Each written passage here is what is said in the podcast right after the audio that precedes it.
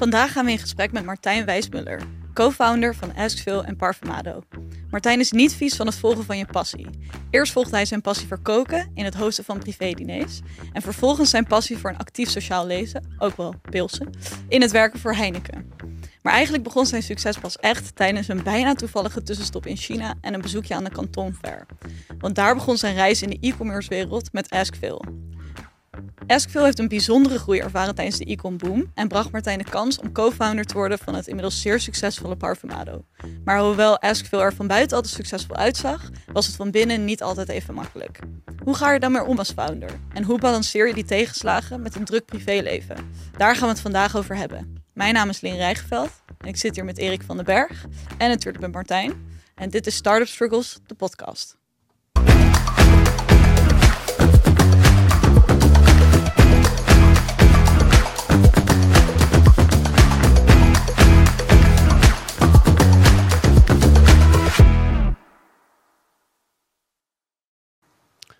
Welkom Martijn. Ja, dankjewel. Goed er te zijn. Ja, welkom in deze groene oase in deze podcaststudio. Voor de mensen die dat niet kunnen zien, er is ook live footage. Ehm, we gaan het zo hebben over tegenslagen in het ondernemerschap. Ehm, tegenslagen persoonlijk eh, en zakelijk. Maar voordat we daarop in gaan zoomen, we hadden in een van onze andere afleveringen hadden we een gesprek over het imposter syndroom. Heb jij daar eigenlijk wel eens last van? Ik moet je eerlijk vertellen dat ik niet precies weet wat het imposter syndroom is. Oeh, moet ik weer de Kleine- definitie geven? Kleine definitie. Eh, imposter syndroom is zeg maar als je zelf soms de overtuiging hebt dat je niet vakkundig genoeg bent in het gebied waar je zeg maar ex- als expert wordt beschouwen. En dat zeg maar de mensen om je heen daarachter gaan komen. Zodat je ontmaskerd wordt als imposter, als bedrieger. Ehm, nee, daar heb ik niet zo heel veel last van. Ik denk eh, dat, eh, dat wij altijd de, de, de grens opzochten van hoeveel kunnen we net doen alsof we het wel weten. En, eh, maar we waren totaal niet bang voor om, eh, om ontmaskerd te worden. Gewoon een hele bewuste imposter. Ja, ja, hele bewuste imposter. Fake it till you make it. Precies dat. Ja, dat is een beetje ondernemers eigen, denk ik hè? Eh, ik denk het wel, vooral, vooral in het begin. Ehm, wij maakten er wel echt sport van. Helemaal in het begin. Ja, echt de eerste, eerste maanden was het. eh dachten dat is de enige manier vooruit. Fake it till you make it. Als je klanten wil binnenhalen, moet je wel iets kunnen laten zien. Ehm, dus dingen iets mooier maken dan dat, dan dat zijn. En waar moet ik dan aan denken? Hele fancy slide deckjes of... Nou, het- het begon eigenlijk met dat wij... eh, we kwamen terug uit China. En eh, mijn compagnon Nick, Paul... En zeiden, ja, als wij, als we een bedrijf gaan starten, hebben we wel een kantoor nodig. Dus eigenlijk vijf dagen later hadden we een kantoor aan de, aan de Keizersgracht in Amsterdam. Dat was denk ik de eerste fake it till you make it. Echt er- statusplekje. we hadden een goed dealtje kunnen, kunnen sluiten. Eh, wij betaalden, betaalden huur, maar we hadden ook nog een onderhuurder erin. Die betaalde nog iets meer dan de huur die wij betaalden. Dus we zaten er gratis. Nice. En ik denk een van de, van de grappigste trucken die we hadden was een groot whiteboard ophangen. En daar schreven we dan zogenaamde klanten die in de pipeline zaten op. Nike, Heineken. Nou, de grootste namen die we konden bedenken, die schreven we op. en als er dan een klant eh, binnenkwam, dan hadden we eigenlijk de, de tafel zo gepositioneerd met de stoel dat de potentiële klant naar dat bord keek wat achter ons hing. En dan zonder dat we iets vertelden over projecten of klanten, gingen ze toch wel met een goed gevoel weg. Want ze waren op de Keizersgracht geweest. En ze hadden toch wel gezien welke klanten er in de pijplijn Ze zaten. werden vergeleken met Nike en Heineken. En ze dachten, yes. Ja, dat, eh, dat was denk ik, ja. Ja, heerlijk. Klinkt gewoon een beetje de principes van Chialdini toepassen. Social proof, maar dan net eh, iets, eh, iets sketchy. Maar je hebt niet gelogen, je hebt er niks, eh, niks. Het stond gewoon op het bord. ja. Een hele uit de hand gelopen brainstorm sessie. hey, ehm, voordat we gaan beginnen, we leggen al onze gasten gaan we, leggen wat stellingen voor. Jou ook. Het zijn er vier. Ik wil je vragen om die te beantwoorden met eens of oneens. Je krijgt daarna natuurlijk alle ruimte om ze te nuanceren of, of uit te leggen. Ehm, maar eens of oneens in het begin voldoende. Ready? Ja. Tegenslagen overwinnen is een stuk makkelijker als je je passie volgt. Eens? Ondernemen heeft soms een negatief effect op mijn mentale welzijn. Eens? Als ondernemer, en die hebben we eigenlijk al beantwoord, ik weet dat die gaat komen. Als ondernemer moet je soms doen alsof. Eh, eens. Ja, het zou heel vreemd zijn als dat nu een oneens zou worden. En de laatste, voor succes moet je soms ook gewoon een beetje mazzel hebben. Eens. Ehm, voordat we daarop in gaan zoomen, hoe definieer je eigenlijk zelf succes? Dat is een goede vraag. Ehm, voor mij is iets een succes als je, als je in je hoofd een soort voorstelling hebt van oké, daar wil ik heen. En dat je op het punt komt dat je er staat, terugkijkt en denkt oké, ik heb het gehaald. Dat, eh, ja, dat definieer ik dan als een succes. En maakt het dan nog uit hoe die reis eruit gezien heeft? Eh, nee. Zolang je het hebt overleefd en je hebt het eindpunt gehaald, dan denk ik dat iets een succes is.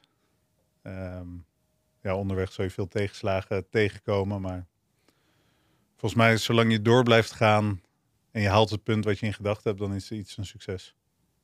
Of het nou gebaseerd is op een mazzeltje of eh, ja, keihard werken. Eh, ja, ik, ik zie daar, er zal wel iets van onderscheid in zitten, maar ik denk dat dat niet zo heel veel uitmaakt. Ja, oké.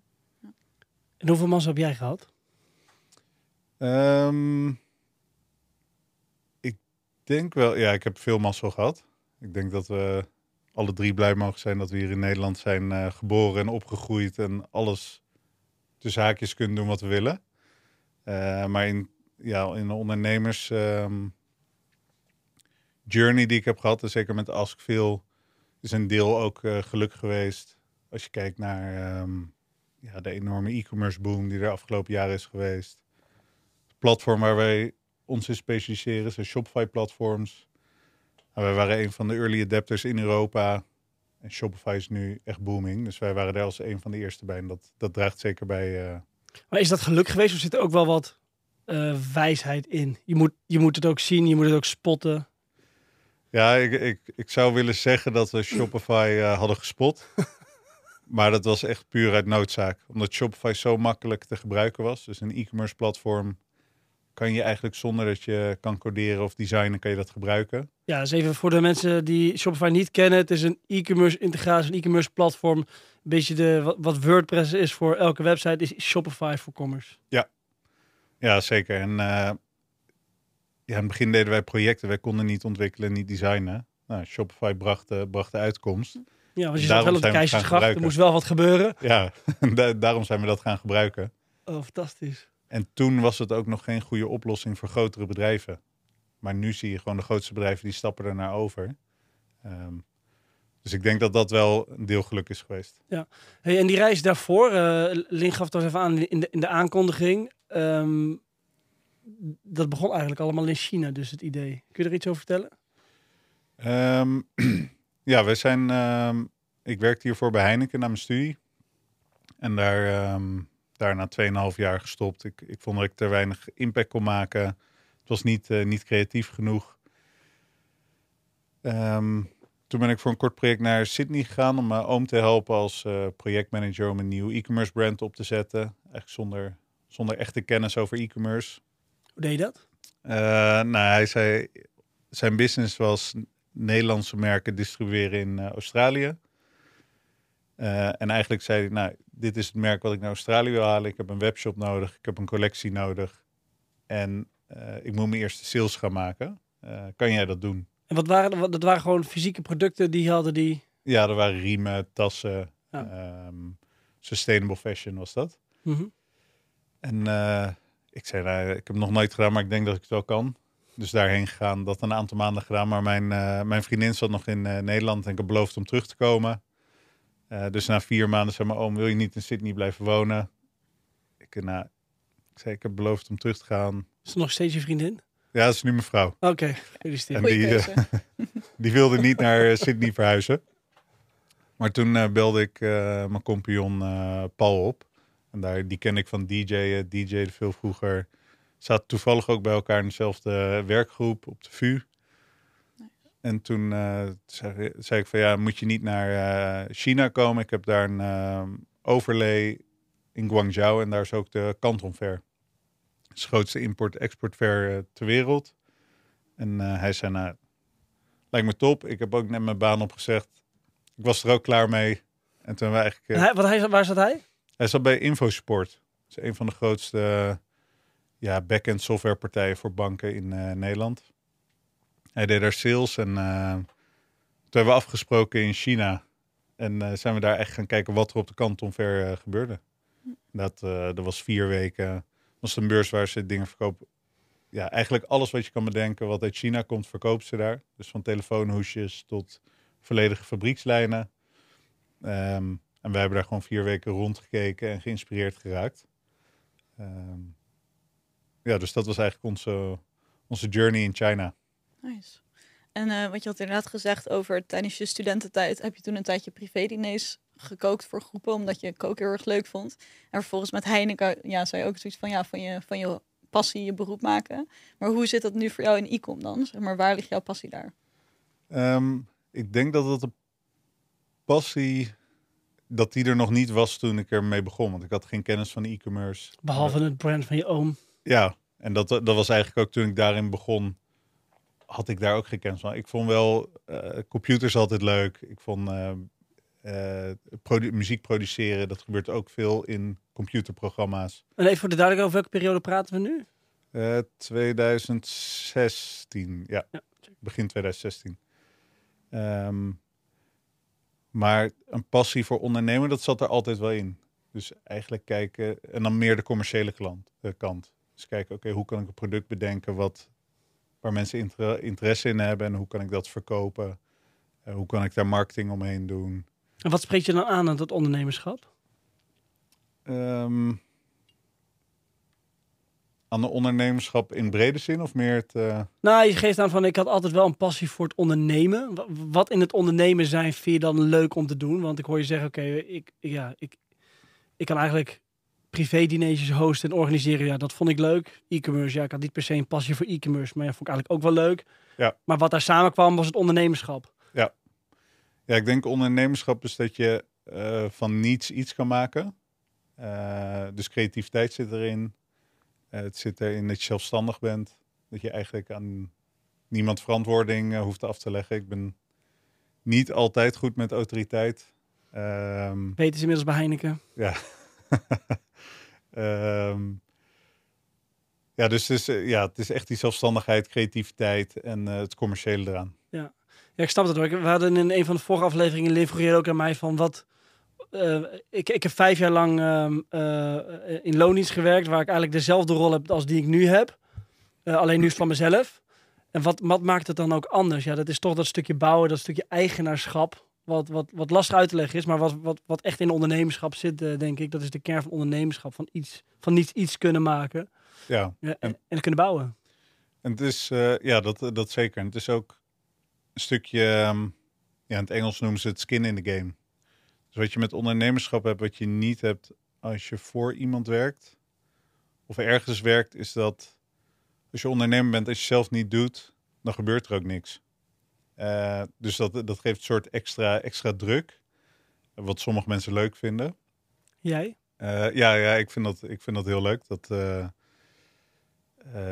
ja, als je je realiseert van, oké, okay, ja, als je het zelf niet doet, nou, niet, niemand anders gaat het voor je doen bij ondernemerschap.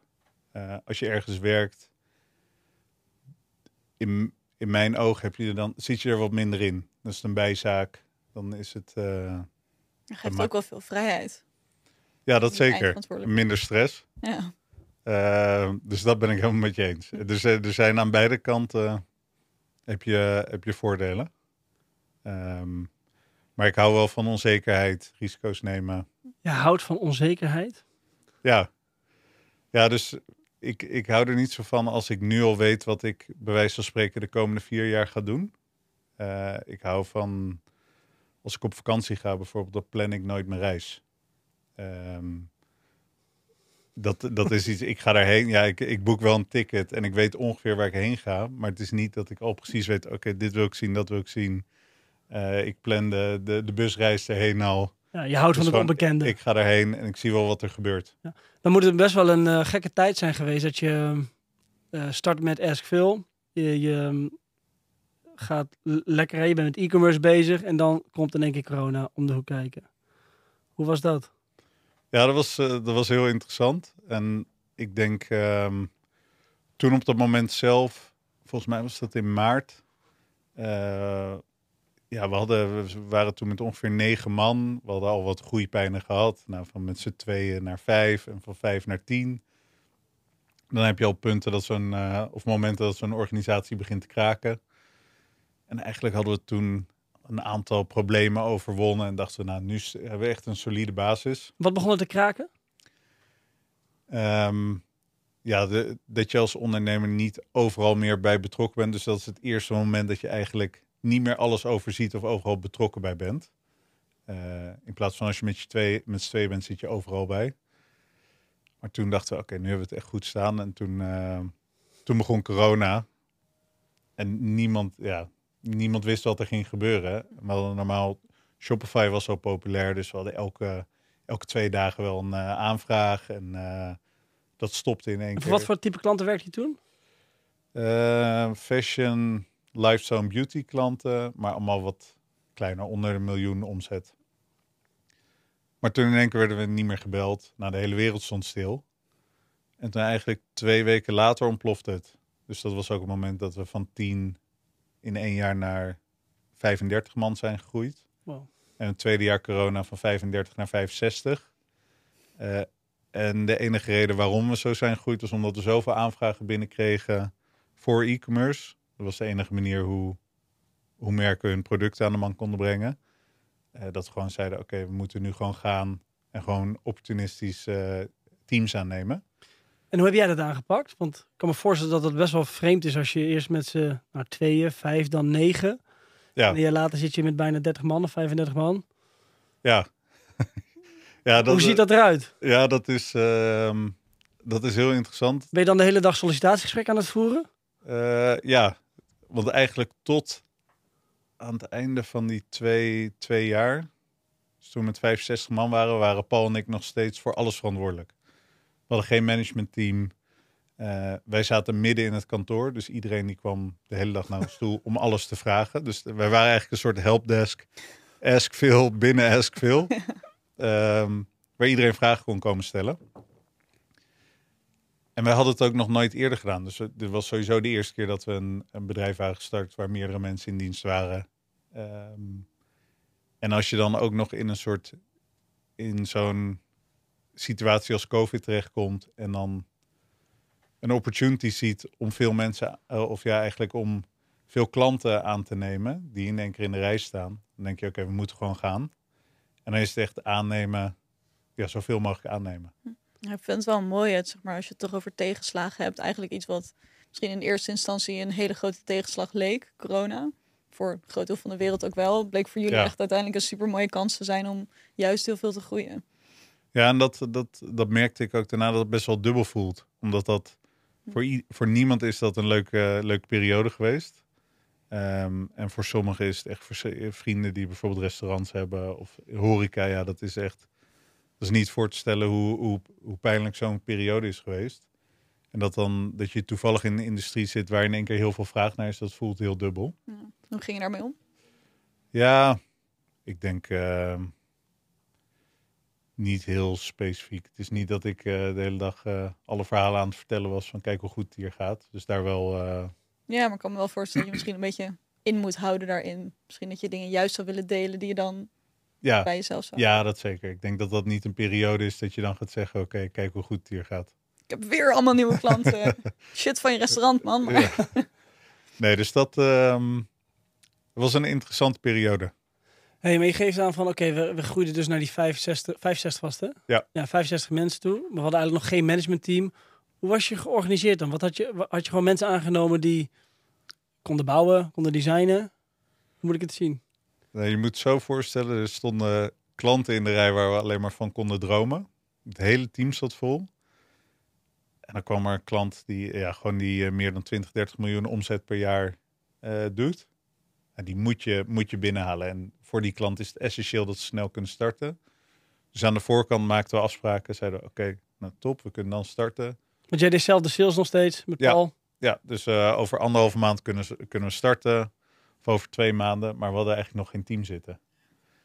En dan hadden we de deal geclosed. En dan was oké, nu moeten we echt snel zijn. shit. Nu moeten mensen gaan aannemen. Ja, en dan hadden we, hadden we iemand die stage bij ons liep. Zijn enige taak was LinkedIn afstruinen, mensen benaderen. Eh, vanuit het profiel van, eh, van Paul, die was CTO toen. En gewoon proberen aan te nemen. Is het wel eens misgegaan? Eh, ja, continu. dus eigenlijk wat we, wat we deden, doordat we zo opportunistisch, zonder dat er echt een structuur in zat, mensen aannamen, betekende dat dat we een klant bij ons binnenkwam. Zei, nou, over anderhalve maand kan je starten.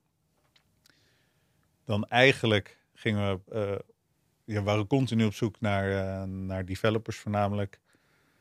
Ehm, en dan hadden we vaak dat net wanneer het project moest starten, iemand binnen hadden en die moest dat project gaan runnen. Ja. Maar er was iemand die was nog niet inge... We hadden toen geen processen voor onboarding. We hadden geen, eh, eh, hoe zeg je dat? Niet echt een ehm, academy waar mensen werden opgeleid. Nee. of zo. Geen Ik- systeempje staan. Geen lees eerst deze documentatie maar even door. Nee, nee, we hebben echt gewoon. eh, ik had toevallig vandaag met iemand over. Ik weet nog wel dat er mensen bij ons begonnen. En op dag twee zeiden: Dit is het project wat jij gaat doen. Dit is de tijdlijn. Die hadden we gewoon zelf bedacht. dus Zonder overleg met developers. Zijn ze dol op? Je moet dit, eh, je moet dit gaan fixen. En dat we dan na anderhalve maand incheckten. Dus ook, te, ja. Ja, Dat was echt een periode dat het gewoon in zo'n sneltrein ging. En aan de kant van de klant ging het eigenlijk altijd wel, laten we zeggen, in 90%, 95% van de gevallen goed. Dus die klant, natuurlijk, een project loopt wel eens iets uit. Maar we maakten in die tijd maakten we fixed eh, price eh, afspraken. Dus wij zeiden, nou, dit is de prijs voor het project. Dat betaal je. Maar wij kwamen er pas later achter dat we veel meer tijd besteden omdat we mensen op het project te zetten die nog niet onboord waren. Ja. Eh, maar omdat het zo goed ging en we groeiden door, ja, we hadden ook nog niet de inzichten in onze, zeg maar in onze data eh, en operatie om te zien van oké, nou het stopt dat we heel veel omzet maken, maar onderaan de streep eh, werkt het niet. Het is niet Ja. heel sustainable. Nee, dus even om het samen te vatten. Je zegt eigenlijk, oké, we groeiden best wel hard. We konden nieuwe klanten closen. En daar stond een mooie omzet tegenover.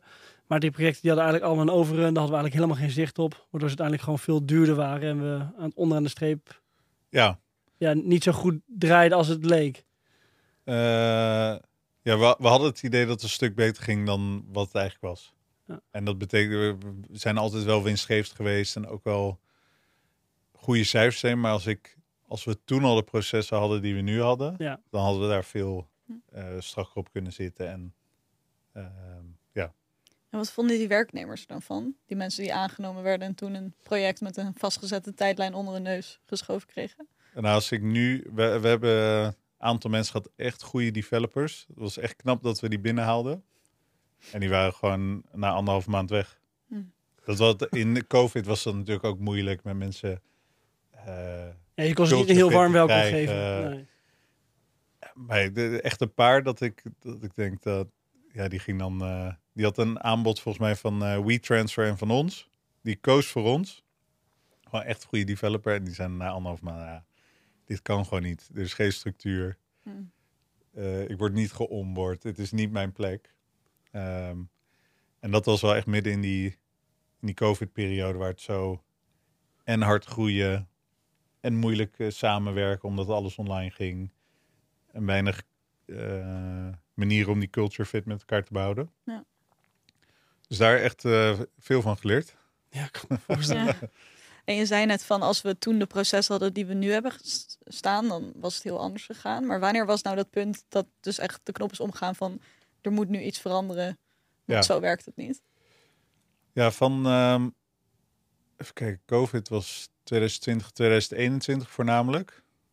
En wij zijn van 2019, of eigenlijk het jaar 2020 zijn we volgens mij 200% gegroeid in omzet. Jaar erop ook meer dan 100%. Dus dat was echt van, oké, nou dit gaat gewoon een, eh een hockeystick omhoog. Ehm, en toen eigenlijk in 2021 ja, toen hadden we gewoon allemaal grote projecten binnen, eh, de juiste klanten, eh, alles draaide. En toen begin 2022, toen hadden we door in het eerste kwartaal van, of eigenlijk in januari, februari, dachten hey, we gaan eens even inchecken bij de projectmanagers, hoe gaan de projecten? Toen kwamen we erachter, oké, nou we zijn al, eh, het budget zijn we al eh 10% overheen, die fixed eh, price. Maar we zitten pas op 60% van het project. You do the math. Ja. En dat was, de, dat was een van onze belangrijkste projecten toen.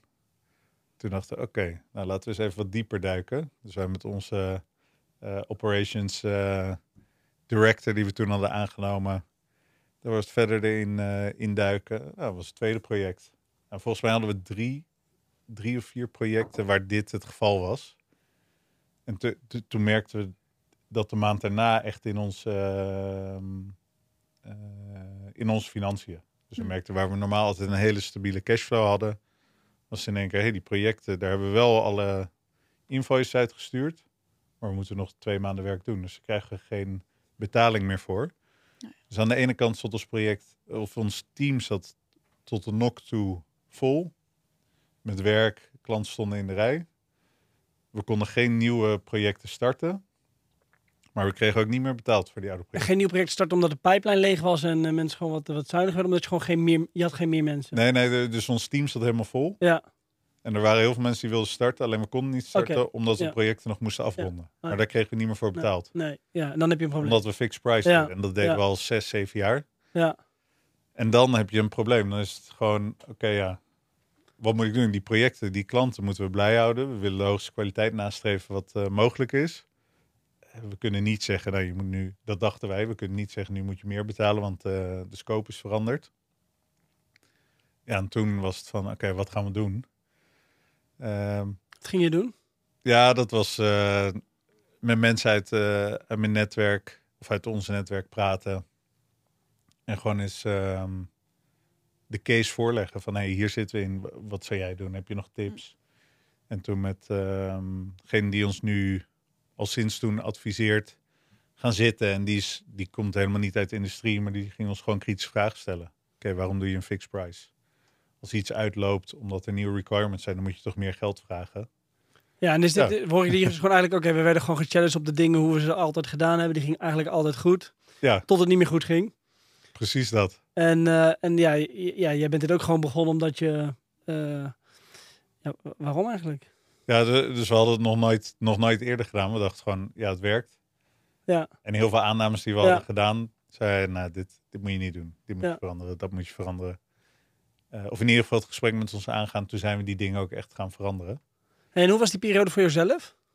Ehm, interessant.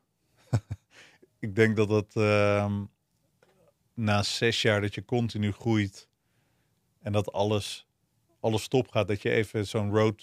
Je hebt natuurlijk veel roadblocks, maar dit was er wel één dat zeiden ook. Dat Paul en ik eh, naar elkaar zaten te kijken, dat we dachten: oké, wat de fuck moet Is het ooit eh, zo echt op het randje geweest dat je zegt, van, oké, kut, nu, nu wordt het echt, nu wordt het echt eh, eh, dat, dat je op omvallen staat? Nee, dat niet. Ik denk dat dat, dat dat kwam omdat we toen we startten hebben we alles vanuit eigen middelen gedaan.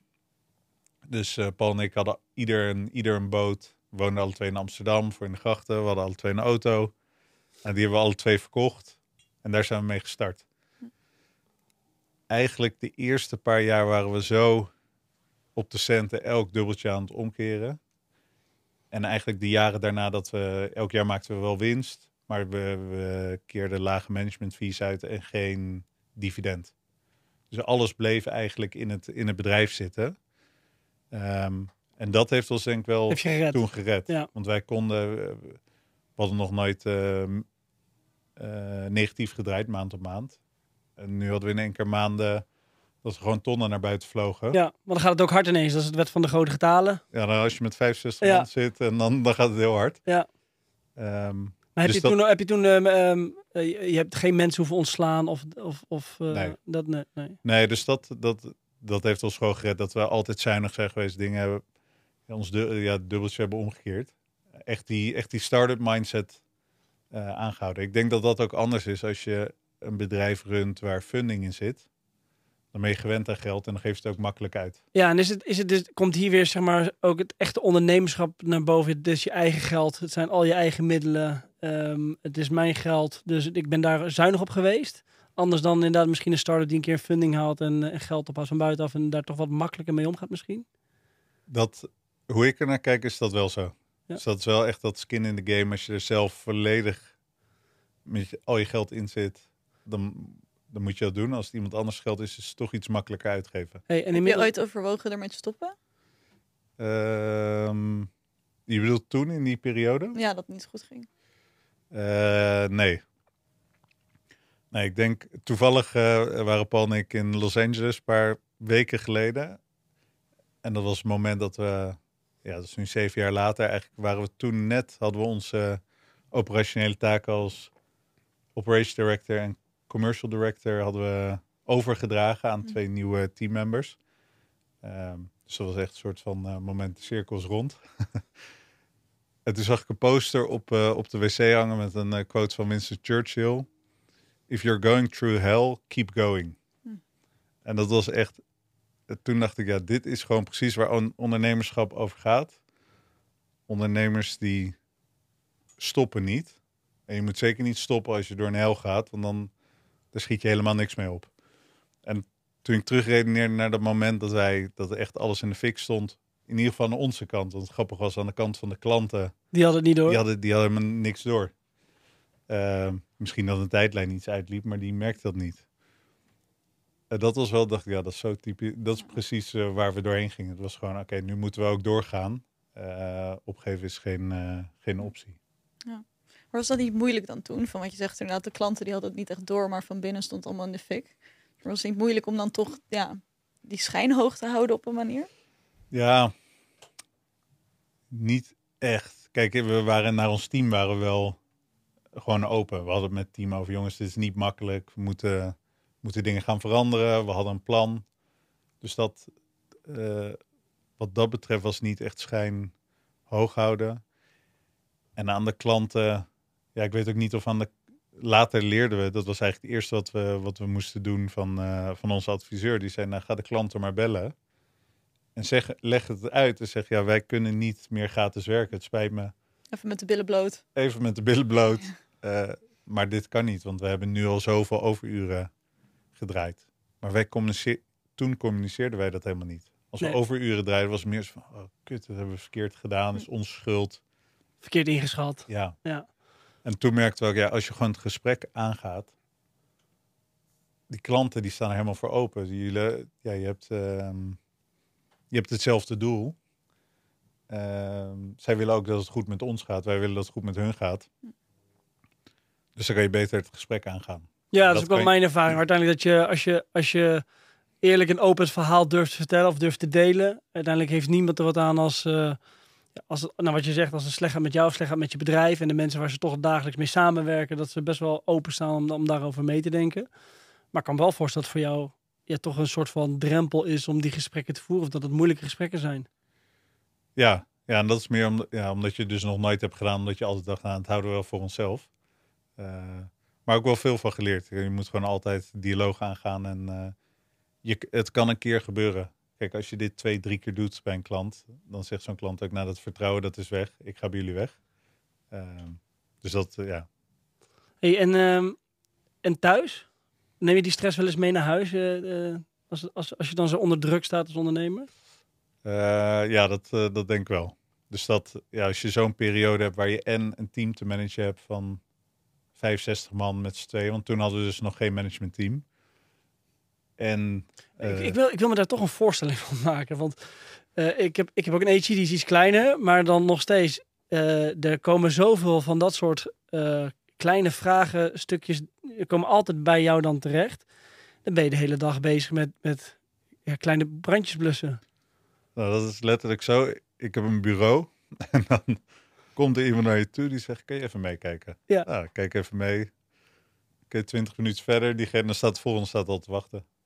En dat, was, dat is gewoon echt eh, een beginnersfout, denk ik, van eh, management. Ja, je moet kunnen delegeren, je moet verantwoordelijkheid kunnen overdragen aan teams. Eh, maar dat was gewoon eigenlijk de hele dag door vragen beantwoorden, advies geven. En, en had dat er ook mee te maken dat je dus nog niet, zeg maar, was je er ook gewoon nog niet bewust van dat je dat aan het doen was?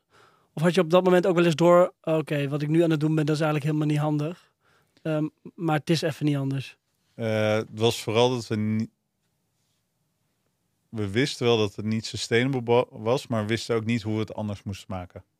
Ehm, ja. Hey, en eh, inmiddels ben jij, ehm, want je gaf net aan, oké, dat ondernemerschap, dat, ehm, als je skin in de game hebt, is dat anders. Inmiddels eh, las ik ergens dat je zelf ook af en toe wat investeert in startups. Parfumado is er daar één van. Hoe anders is het om een agency te runnen versus een start-up? Ehm, ik denk in de essentie is het hetzelfde. Hoe ik er naar kijk. Alleen is een andere, de operations kant is anders. Ehm, ja, dus ik denk dat ze ja, wel in lijn ligt met elkaar. En, en doe je daar nu zelf dingen ook mee? Ben je, ben je, iemand, die- ben je meewerkend voorman of ben je alleen aan het investeren? Hoe ziet dat Nee, uit? dus ehm, eh, het voorbeeld van Parfumado, dat was een van onze eerste e-commerce projecten in 2017. Toen zij startten hadden ze een partner nodig. Toen ze ons benaderd zeiden, nou, kunnen jullie dit eh, bouwen? Ze nou, we kunnen kijken op Shopify. Ehm, en toen hebben we wel echt de eerste anderhalf jaar gewoon de tijd die we over hadden, omdat we geen eh, klanten hadden of niet genoeg klanten om onze eigen tijd mee te vullen, eh, waren we gewoon bezig hoe kunnen we Parfumado verder brengen. En had je toen al in geparticipeerd? Ja, ja, vanaf de start. Ja. Ehm, maar dat was vooral designs, eh, development waar we mee hielpen, online marketing. Ehm, eigenlijk alles waar we mee konden helpen, hielpen we mee. Maar leiding geven aan het bedrijf zelf, dat gebeurde door de, de initiële founders. Ja. Ja. Ja, dus eh één founder, die heet ook Martijn. Die was echt gestart en die runde het. En dan een groep van, eh, van zes, zes, zes man. Dus één parfumeur, twee eh, eh, ondernemers met al ervaring. Wij dan meer technisch en eh, design en hij. Eh, maar hij runde de show eigenlijk. En nou, uiteindelijk is Parfumado ook, eh, denk ik, flink gegroeid. Heb je daar wel eens van die groeipijn ervaren? Ja, continu. nou, ik heb ze zelf niet aan de lijf hoeven te ervaren. Maar ik weet dat ja, Parfumado is nu weer flink doorgegroeid. Voorbeeld van een bedrijf waar wel veel funding nodig is om door te kunnen groeien. Daar moet je door investeren in marketing. Ehm, Dus kun je ons even kort meenemen hoe, dat, hoe die reis eruit gezien heeft? Eh, ja. ja, dus Parfumado is een eh, parfum, eh, parfum subscription service. Het idee is eigenlijk dat je voor 14,95 per maand elke maand een ander parfum kan kiezen in een soort travel, travel case, 8 milliliter. Ehm, dan kun je kiezen uit 300 verschillende parfums. Ehm, van bekende merken tot niche merken. Ehm, en daar was het echt dat toen we startten, het idee was Giat uit Amerika. Eh, de founder die had dat gezien. Die zei, nou, dit, dit kunnen we doen. We hebben een netwerk in de parfum. Dus we wisten iemand die de parfums kon regelen. We hadden een parfumeur. Eh, wij konden het bouwen. En dat was letterlijk van, oké, nou laten we maar gewoon beginnen. Kijken hoeveel we kunnen kopiëren van het concept daar. Ehm, en dus als je parfums gaat aanbieden in travel, eh, travel spray, maar je hebt nog geen relaties met de merken, eh, dan hadden we, nou, we hadden het platform online. Nou, iemand bestelde een Dior luchtje. Dan ging de founder letterlijk naar de, naar de Easy Paris op de Kalverstraat. Fake it till you make it. Ging een flesje halen, dop eraf, Chill. vullen. Nou, Oh, dat ging echt op die manier. aan dat ging letterlijk Oh, op die manier, met een pipetje. Ja, heerlijk. Ehm, nou, toen begonnen we meer voorraad te krijgen. Het begon met 10, 10 pakketjes per maand. Nou, na, na een tijd groeit dat naar, naar 100, 1000. Ja, ze zitten nu volgens mij op 50.000 pakketjes per maand. Dus dat, dat is wel flink doorgegroeid. En dat heeft ja, het, ehm, ook wel veel uitdagingen gehad. Daar heb ik zelf niet, Heb je die tegenslagen Altijd. zelf ervaren? niet, niet echt. Nee. Zijn er nog te ver vanaf. Ja, tuurlijk. Als aandeelhouder krijg je er veel over te horen. Maar Ja, Ik denk leuk voor de podcast. Ja, Eh, ik denk, Ja? ja, ja daar, we gaan uitnodigen. Hoe heet die? Martijn, Martijn van Oké, leuk. en eh Floors. Dus Nou, vind ik heel leuk. Want kijk, dat, jij weet het niet, we hebben het daar nooit over gehad. Maar ik heb zelf in coronatijd een, een, ook een e-commerce bedrijfje opgericht. Dat was de eerste vrouwelijke maandelijkse lingeriebox van Nederland. oh, wat lachen. En dat was ook een subscription box. En dat was ook een beetje uit de hand gelopen. We groeiden heel snel naar 14, 1500 abonnees ook. Ja, ja, ik weet niet hoe het bij jou was, maar ik, ja, ik deed het ook een beetje in, in, in, in de avonduurtjes aan het bijklussen samen met mijn broer. En inmiddels hadden we één of twee mensen die deden wat customer support. Ik wist niks van BH's. We hadden inderdaad geen leverancier aan het begin, want dat ging gewoon maar live. En keer begonnen mensen dat te bestellen. En toen moesten we op zoek gaan naar een leverancier. Ehm, maar wij hebben op een gegeven moment echt de keuze moeten maken. van, Ja, willen wij hier nou in doorgaan? Zie ik mezelf nog echt eindigen in, in, eh in vrouwenlingerie of niet? D- daar, toen kozen we voor nee. Maar hoe ik het daar zie, dat, dat is wel echt uiteindelijk gewoon een online business. Het is gewoon net als hoe je een, een online bedrijf eh, runt. En dat, eh, dat, dat, dat vond ik wel leuk. Jij bent nooit met spoed naar de Hunkemuller gerend om daar spontaan BH's te kopen die voldeden aan de, aan de bestelling. Ik ben wel eens spontaan naar de Hunkemuller gereden, maar dat was om een andere reden. Nee. nee, nee, dat niet. Maar ik weet wel, wij, wat wij deden, wij hadden een idee. En toen hebben we gewoon online een landingspaginaatje online gegooid. En eh, wat Facebook ads gedraaid.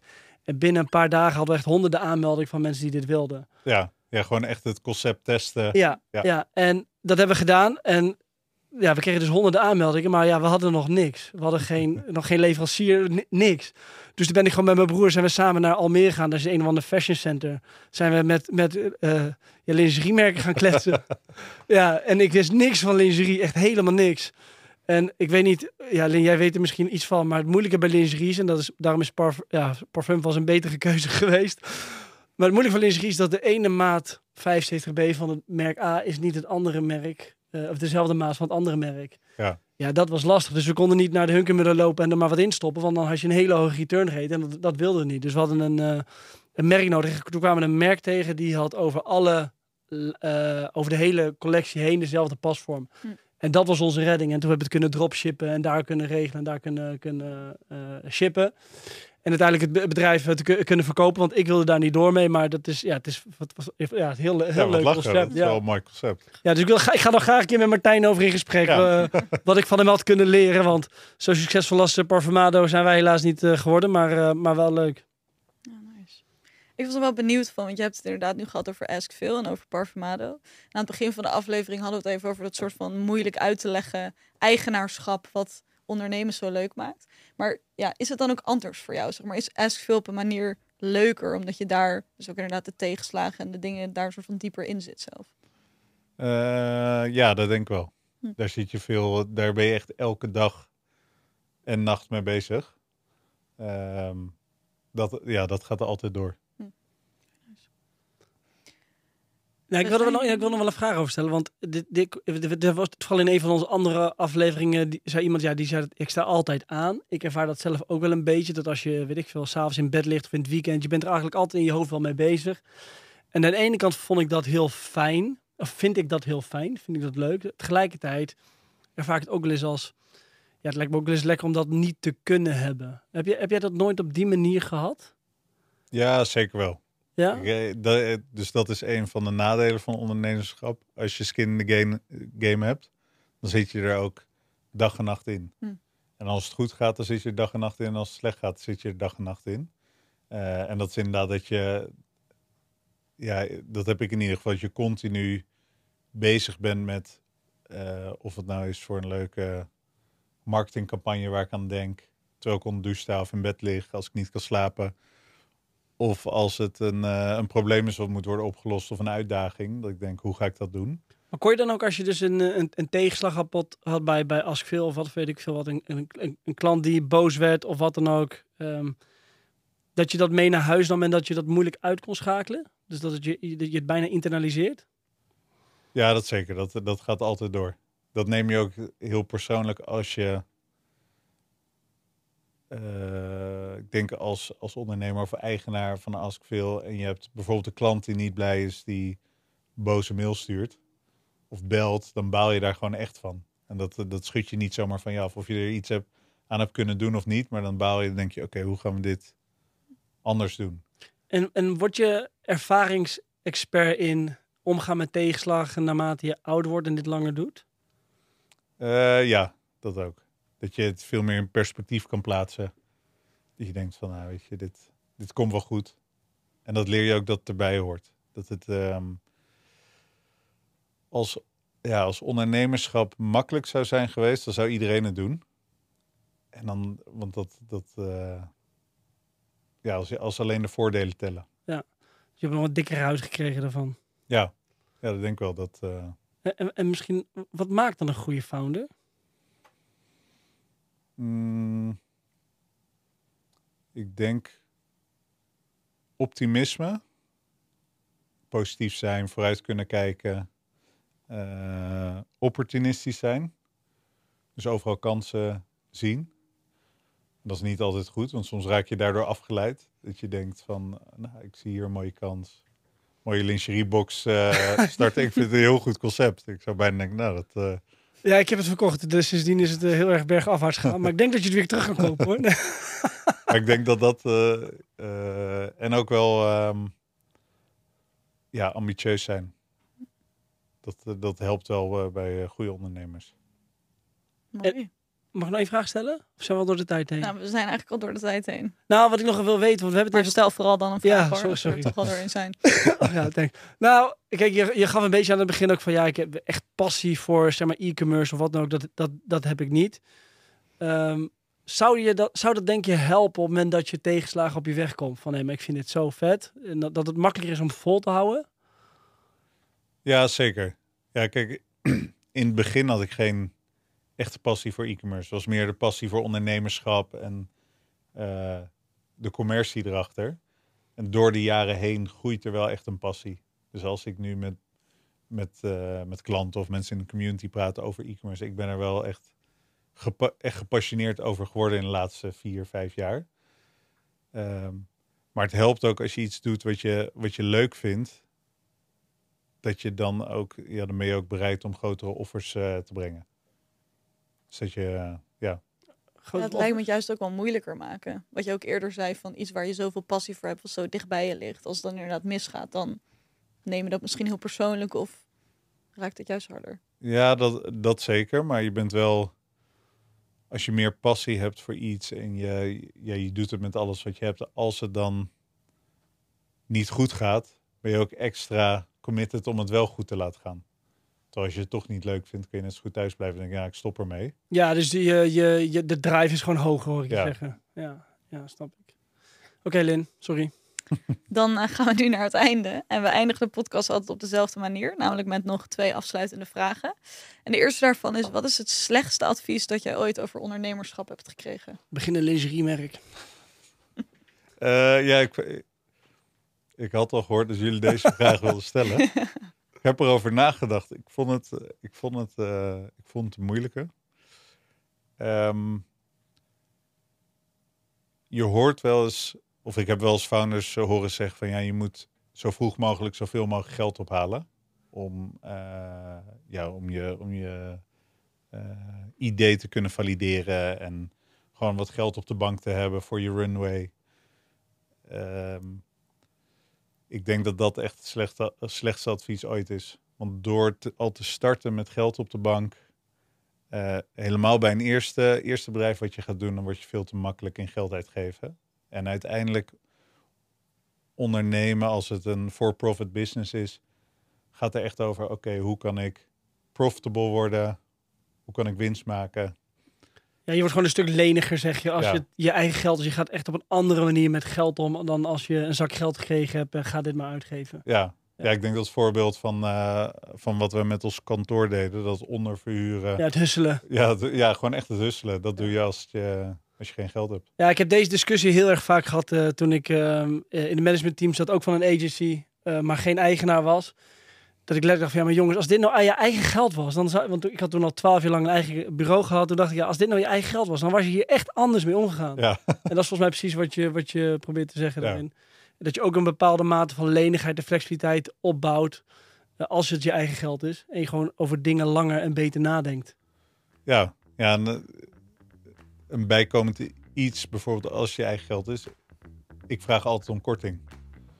Dus ik hoop niet dat iedereen nu luistert en denkt, "Ah, korting ga ik niet meer krijgen. Maar het is, eh, ja, het- soms is het een drempel. Maar als je zegt van ja, oké, we willen graag werken. eh, maar ik heb nog wel een korting nodig om ja te kunnen zeggen. Wat kan je me geven? Ja, Niet geschoten is altijd meer. Ja, Ja, ja, je kan zeker, ik denk nog wel 20, 30 procent eraf krijgen elke keer. ja, snap ik. Goeie tip, mooi tip, helemaal Ja. eens. Mooi advies inderdaad nog om mee af te sluiten, want dat was ook de tweede vraag. Maar dus vraag om korting. vraag altijd om korting. Eh, dan denk ik dat dat hem was voor vandaag. Dus Martijn, heel erg bedankt dat je Yes. hier was. En eh, bedankt voor het delen van jouw verhaal. Eh, voor de luisteraars thuis, als je nog wil reageren op deze podcast, of als je een vraag hebt voor Martijn of andere feedback, eh, dan kan je die insturen naar vragen.startupstruggles.nl of eh slide in onze DM's op onze socials. Dank jullie wel. Thanks, dankjewel. Thanks.